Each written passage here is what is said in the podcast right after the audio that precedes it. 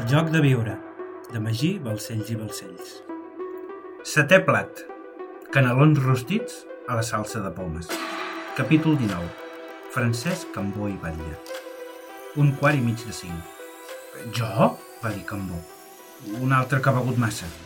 Eh, sí que ha begut, sí, però encara estic prou bé, va dir Lluís Llorac. Doncs llavors no sé què ve, aquesta insinuació, va dir Cambó. Quina puta merda de dinar, va deixar anar Bertran i Mosito, estranyament més recuperat de la borratxera i tallant la conversa. T'has lluït, eh, Isabel? Eh, Pepe, per favor, va exclamar la seva esposa, Antònia Bertran. Això no és cosa meva, Pepe, va defensar-se la senyora Llorac. Moriremos todos, va dir Maria Teresa. Si estamos en manos de anarquistes, vamos a morir.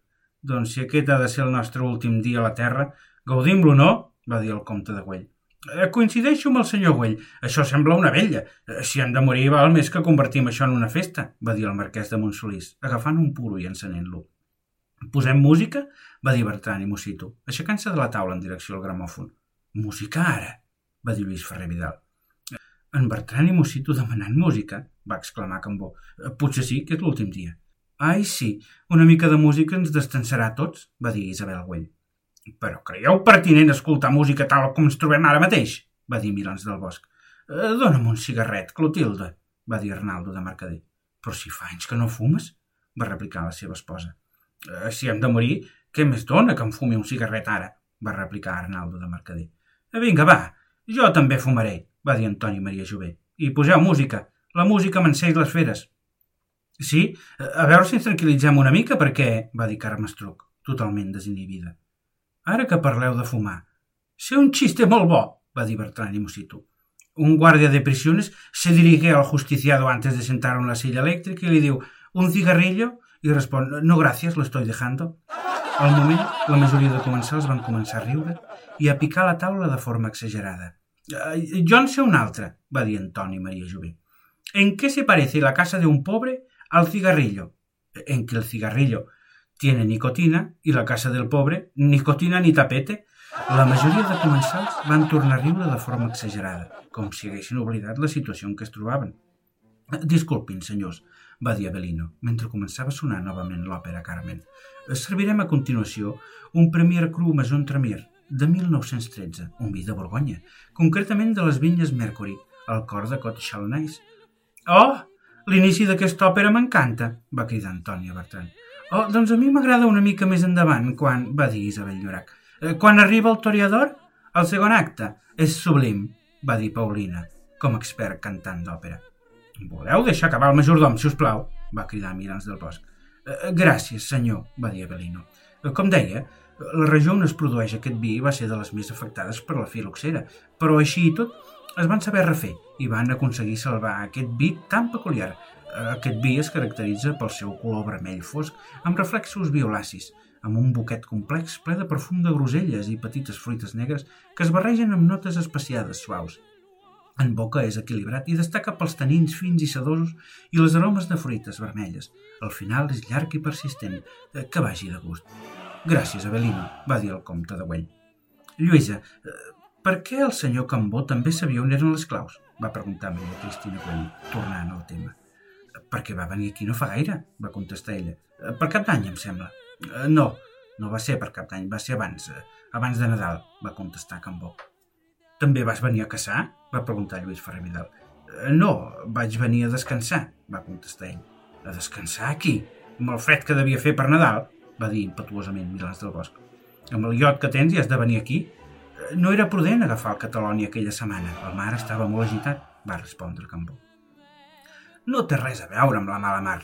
Va venir al castell amb la seva fulana, se li va escapar a Paco. Això no és cert, va contestar Cambó.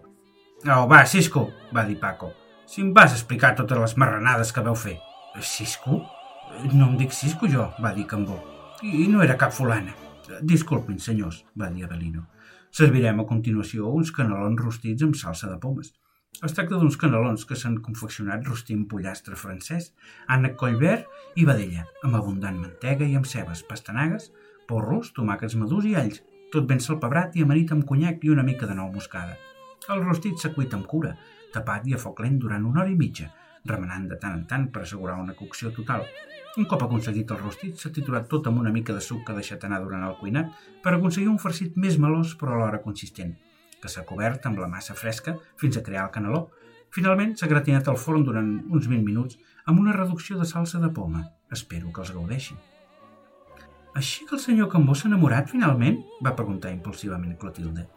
Ja aniria sent hora de sentar el cap, va exclamar Carme Estruc. La meva vida privada és privada, va dir Cambó. Eh, gràcies, Mercè, va dir mentre la jove embarassada li deixava el plat a taula. Les gràcies són totes seves, senyor, va respondre la minyona. No és la primera vegada que el senyor Cambó ve al castell acompanyat, va dir Paco. I em consta que cada cop que ve vem una noia diferent. Podem deixar de parlar de mi, si us plau? va dir Cambó. Sí, vaig venir al castell per Nadal i vaig venir acompanyat. Hi ha algun problema? No, per descomptat que no, és la teva vida privada i no n'hem de fer res, va dir Isabel Morat.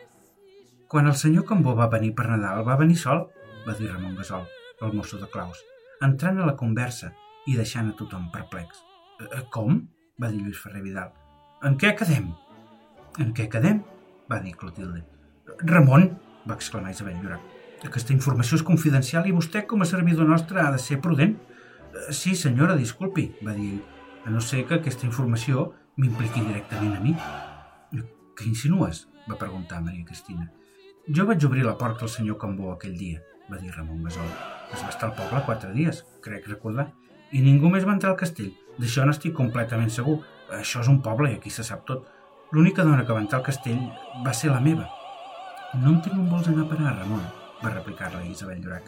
De tot això en fa exactament nou mesos, va dir Ramon Gasol. Estàs insinuant que el fill que porta la teva dona al ventre és del senyor Cambó? va preguntar Lluís Ferrer Vidal. Al moment, tots els presents van centrar la mirada en Francesc Cambó. Francesc Cambó i Batlle havia estat l'últim d'arribar a viure, just a tres quarts de dues, acompanyat del seu xofer i amb un espectacular Bentley descapotable de color negre, procedent de Barcelona, del seu nou i luxós pis del número 30 de la Via Laietana. Un pis de més de 1.200 metres quadrats, compost per un àtic i un sobreàtic amb un bellíssim jardí dissenyat per un arquitecte francès, amb unes vistes privilegiades sobre la catedral i sobre la capella palatina de Santa Àgata. Com a polític era un home que no deixava ningú indiferent, de la mateixa manera que generava grans adeptes entre la burgesia catalana, sobretot per haver aconseguit que el Consell de Ministres aprovés un aranzel que suspenia l'entrada a Espanya de productes estrangers des del 1922, també generava grans grups d'opositors arreu, sobretot entre el proletariat català i els cercles nacionalistes espanyols. Així, amplis sectors de la societat catalana desconfiaven d'ell pel seu perfil ideològic conservador i reaccionari, alhora que des de Madrid es desconfiava d'ell per defensar els interessos catalans a costa del que fos. Eren molts els que l'acusaven de ser un home contradictori, perquè pretenia ser Bolívar a Catalunya i Bismarck a Espanya. Cambó era un home prim de 47 anys, un milionari a l'estil nord-americà a qui agradava en extrem exercir de mecenes de la llengua i cultura catalanes. Era solter, polític, advocat, membre del Consell d'Administració de la Societat Financera de Transports Industrials i president de la Companyia Hispano-Argentina d'Electricitat. Era un home pragmàtic, oportunista, conservador, monàrquic, catalanista i faldiller, per aquest ordre. Havia nascut a Verges el 1876, fill d'una família de petits propietaris i comerciants que van decidir enviar-lo a Besalú, a la casa pairal del pare, on va créixer acompanyat únicament de la seva àvia, una anciana senzilla de noble ascendència, i el seu tiet capellà, un fet que va marcar ja des de ben petit la seva ideologia tradicional i conservadora. Alternant l'estiuatge a Verges, Cambó no es va moure de Besalú fins que va ser enviat a fer el batxillerat a Figueres i anys més tard, el 1891, va marxar a Barcelona per estudiar filosofia, lletres i dret. Va ser a Barcelona, durant la seva vida d'estudiant, que Francesc Cambó va començar a interessar-se per la política i va participar en les intervencions que es produïen en les discussions de les conferències del Centre Escolar Catalanista. Va ser precisament aquí, en el si del Centre Escolar Catalanista, que la seva figura va començar a despuntar i que va introduir-se de ple en el catalanisme, que en aquells temps no era més que un moviment romàntic i platònic amb molt pocs adeptes. Cambó va donar un nou impuls al catalanisme, tot induint el moviment cap a posicions més pragmàtiques que proporcionessin un impuls per créixer i esdevenir més transversals – Tal va ser el seu èxit en els seus plantejaments per convertir el catalanisme en un moviment útil i no només una espècie de secta nostàlgica de la història de la llengua catalana, que Cambó va esdevenir president del Centre Escolar Catalanista, un fet que li va comportar conèixer i fer amistat amb Prat de la Riba, Puig i Cadafalc, Verdaguer i Callís i Àngel Guimarà, en aquells moments els líders del catalanisme. Al mateix temps, acabats els estudis, va entrar a treballar d'ajudant a un important despatx d'advocats i es va convertir en assessor de la Banca Arnús i diverses companyies estrangeres de pes com Sofina. El 1898, després de la pèrdua de Cuba, alguns dirigents catalanistes van considerar que era el moment propici del catalanisme per popularitzar-se i començar a influir en la política espanyola. I d'aquesta manera, aprofitant l'oportunitat política, Prat de la Riba va reconvertir el setmanari La Veu de Catalunya en un diari al servei del catalanisme i Cambó va ser nomenat cap de la secció política estrangera. Un any més tard, Cambó, Prat de la Riba i Verdaguer i Callís van fundar un nou partit catalanista que agrupava el grup de l'Ateneu, liderats per Àngel Guimarà, i poc després es van fusionar amb el Partido Regionalista, tot naixent així, la Lliga Regionalista. La feina feta des de la veu de Catalunya i el programa polític de la Lliga consistent en liquidar el sistema tornista dels partits dinàstics i l'obtenció de l'autonomia de Catalunya com a instrument per aconseguir intervenir en la política espanyola i així preservar el catalanisme i els interessos comercials catalans, van calant la societat fins al punt que en les eleccions a Corts del 1901 van ser les primeres en què es va respectar el vot i la maquinària dels partits tradicionals no va poder manipular el resultat a Catalunya atès que la Lliga Regionalista va fer una important tasca per depurar els cens electorals de noms de persones mortes, noms falsos i repetits. Malgrat que Cambó no s'havia presentat a les eleccions a Corts, la seva entrada en política es va presentar el novembre d'aquell mateix any, en les eleccions locals, on Cambó, amb 25 anys, va aconseguir ser elegit regidor de l'Ajuntament de Barcelona. Uns anys més tard, amb la coalició de Solidaritat Catalana, Cambó va esdevenir diputat, un càrrec que mantindria fins al moment i a través del qual aconseguiria anar escalant en el lideratge del partit, sobretot en la seva intervenció per aconseguir crear la Mancomunitat de Catalunya. El punt àlgid, però, va ser després de la mort de Prat de la Riba, moment en què es va convertir en el principal líder de la Lliga i va convèncer al partit per ajudar a la governabilitat d'Espanya com a instrument per obtenir l'autonomia, un fet que el va convertir en ministre de Foment durant vuit mesos. El 1919, estant ja fora del govern, Cambó va defensar l'Estatut d'Autonomia al Congrés, però els parlamentaris espanyols van entrar en còlera durant la defensa de la proposta catalana i Cambó va ser escridassat i insultat i la cambra legislativa va tombar el projecte. Va coincidir just en aquell moment d'exaltació del catalanisme que el sindicalisme s'havia radicalitzat a Catalunya fins a extrems perillosos, un fet que va conduir a una alta inestabilitat social i a la vaga de la canadenca, amb la qual cosa gran part de la burgesia, sentint-se amenaçada, va armar la milícia civil del sometent. Cambó va patrullar armat pel carrer i la Lliga va abandonar les propostes d'estatuts i referèndums per tornar a formar govern amb els conservadors espanyols, un fet que va portar a Cambó a esdevenir ministre d'Hisenda durant un any i mig.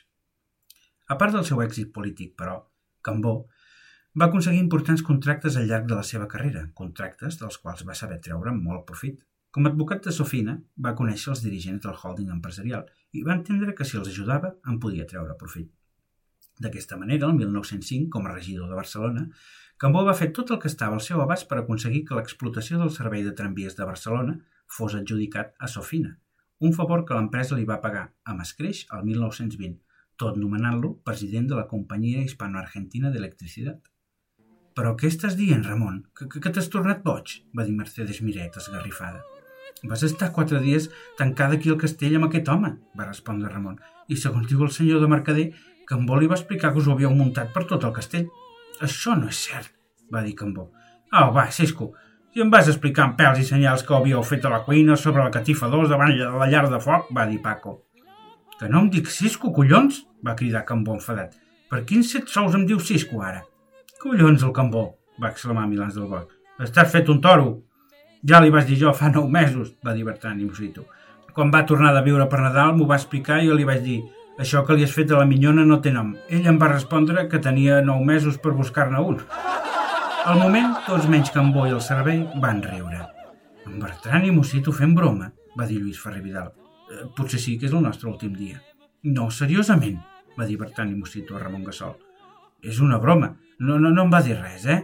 Sembles un nen, Pepe. Amb això no es fa broma, va dir Cambó mentre Bertran i Mosito i diversos comensals se'ls escapava el riure. Fa exactament nou mesos de Nadal, Mercè, va dir Ramon, desconcertant a tothom. El nen li vols posar francès i quan t'has desmaiat el senyor Cambó s'ha mostrat molt interessat per la teva salut. Eh, què vols que pensi? A més a més, t'ha parlat de tu i t'ha dit Mercè. N Ningú et diu Mercè a part d'això. Ramon, va tallar-lo. No he fet mai res amb la teva dona. El que vaig dir al senyor de Mercader és fals. Vas venir aquí a descansar després d'uns mesos de feina duríssims. I, I sí, vaig venir sol i la teva dona em va fer el dinar i el sopar cada dia, a part de cuidar-se de tots els detalls per fer-me l'estada més agradable. D'aquí la familiaritat. Però no van fer res. És impossible que jo sigui el pare, t'ho juro.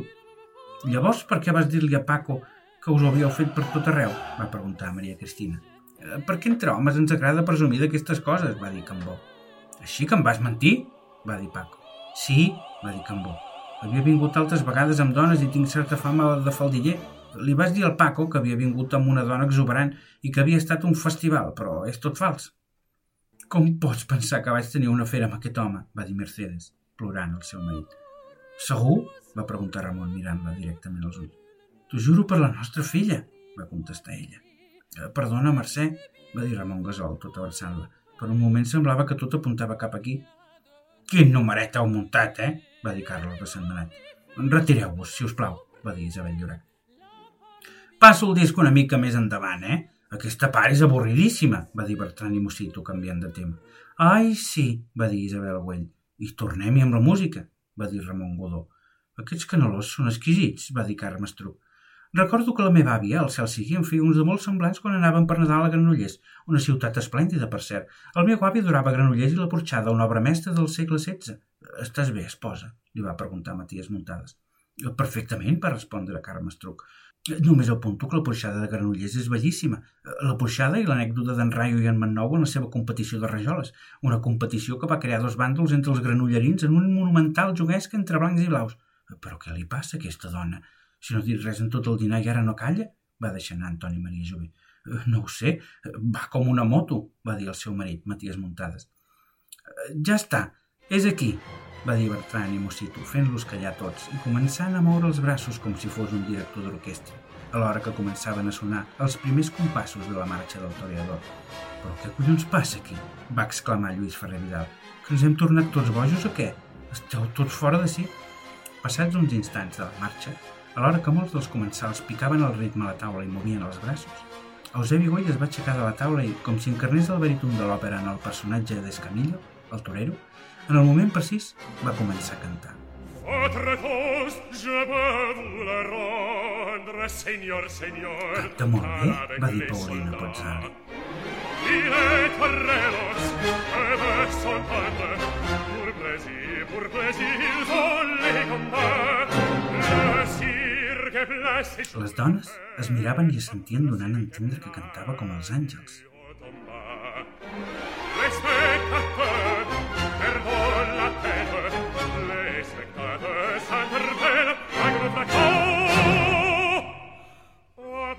Milans del Bosc, davant l'exaltació tauromàquica espanyola de l'òpera, no es va poder contenir.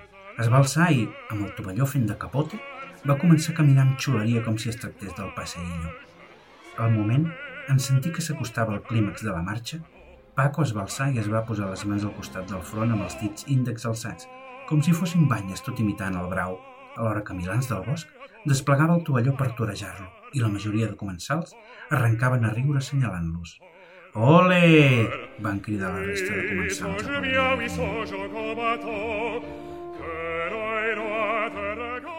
Paco va tornar a embestir el capote i Milans del Bosc el va torejar. L'amor, l'amor tato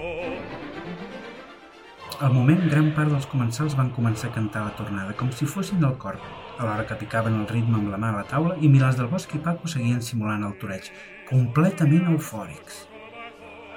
Amb el so de l'orquestra al màxim, molts comensals es van aixecar i van començar a ballar mentre Eusebi i Paulina seguien cantant, fins que un cop acabada la marxa, algú va dir «Paulina, canta'ns alguna cosa!»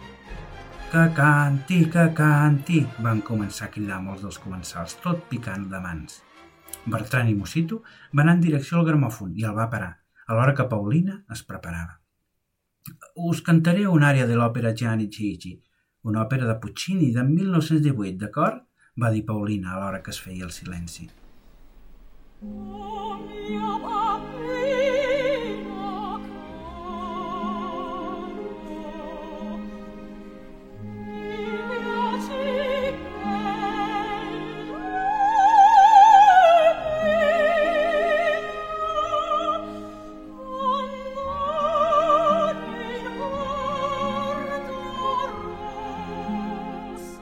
Tots els presents sentien com la veu de Paulina despertava lentament com l'alba d'un nou dia i anava perdent força fins a conformar una dolça melodia capaç de despertar una sensació d'èxtasi que els feia oblidar ni que fos per un moment on eren i quina situació es trobaven.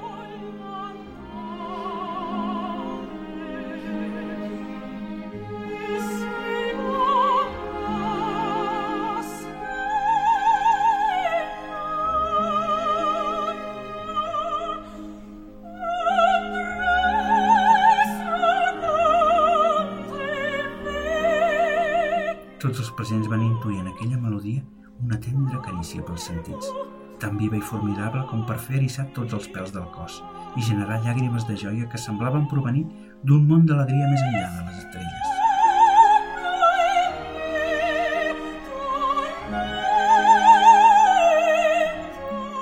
Sense poder-ho evitar, les llàgrimes recalinaven per les galtes de la majoria dels comensals com si estiguessin vivint un somni sonor, somiant un cant apoteòsic.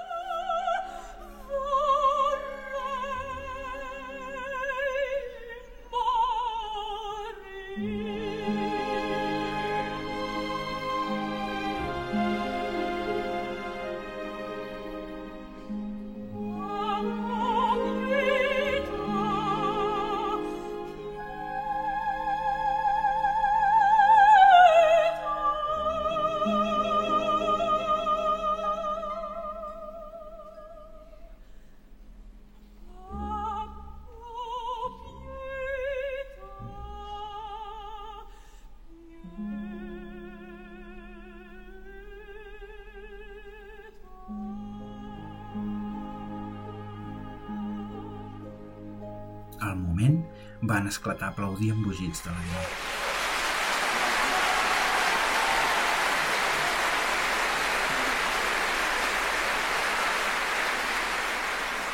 Oh, sí, Clotilde, va dir Isabel Llorac, caminant en direcció al gramòfon. Tinc una cosa que t'encantarà. Me la va fer arribar la mateixa Josephine Baker. Qui és aquesta? va preguntar Lluís Ferrer Vidal. És una ballarina única de la Broadway, que aviat vindrà a París, va dir Isabel Llorac. Ho dius de veritat? Va preguntar Clotilde. Sí, vaig convèncer el director del Teatre dels Camps Elisis de París perquè l'anés a visitar i em sembla que l'ha contractat, va dir Isabel Llorac, mentre agafava un disc de sobre la tauleta del gramòfon. És una cançó inèdita, que a Josephine li encanta. Formarà part de l'espectacle que s'estrenarà a Broadway el pròxim octubre. Coneixent-te segur que t'encantarà. El títol de la cançó és de Charleston. De sobte, va començar a sonar un ritme ràpid un jazz ragtime en temps 4x4, amb ritmes sincopats, i Clotilde va començar a ballar eufòricament, sense cap mena de vergonya i fent-se mirar per tothom. Movia les cames endavant i enrere, molt ràpid, tot arquejant-les i girant el taló a cada pas, acompanyat d'un exagerat moviment dels braços, que definien un ball desinhibit i alegre que va animar la resta de comensals a imitar el que feia la marquesa de Montsolís. Les germanes Llorac, les Güell i Consola Jové intentaven imitar Clotilde, mentre la resta de dones aplaudien el ritme de la música i els homes reien i assenyalaven aquell ball mentre fumaven i balien. Enmig d'un espai cobert de fum de cigarrets i puros, els comensals reien i ballaven bugits d'alegria, sols o en parelles, envaïts d'una eufòria que els feia actuar de forma impulsiva als acords d'aquell estil musical que havia nascut als Estats Units a principis de segle entre la comunitat afroamericana i que els blancs havien imitat feia una dècada, sobretot les garçones i les generacions joves dels rogents anys 20, que després de la pandèmia mundial de grip espanyola i de dos, dos mesos de confinament havien despertat amb unes ganes exagerades de festa per recuperar el temps perdut, adoptant el Charleston com una forma extravagant, boja i divertida de ballar el foxtrot. De sobte, sense que ningú ho esperés, el gran mirall que es trobava darrere el mufló es va esbocinar en mil trossos i tots els comensals, espantats, van deixar de cantar i ballar i van mirar en un acte reflex al forat del sostre. La pistola apuntava al mirall. El joc de viure, de Magí, Balcells i Balcells.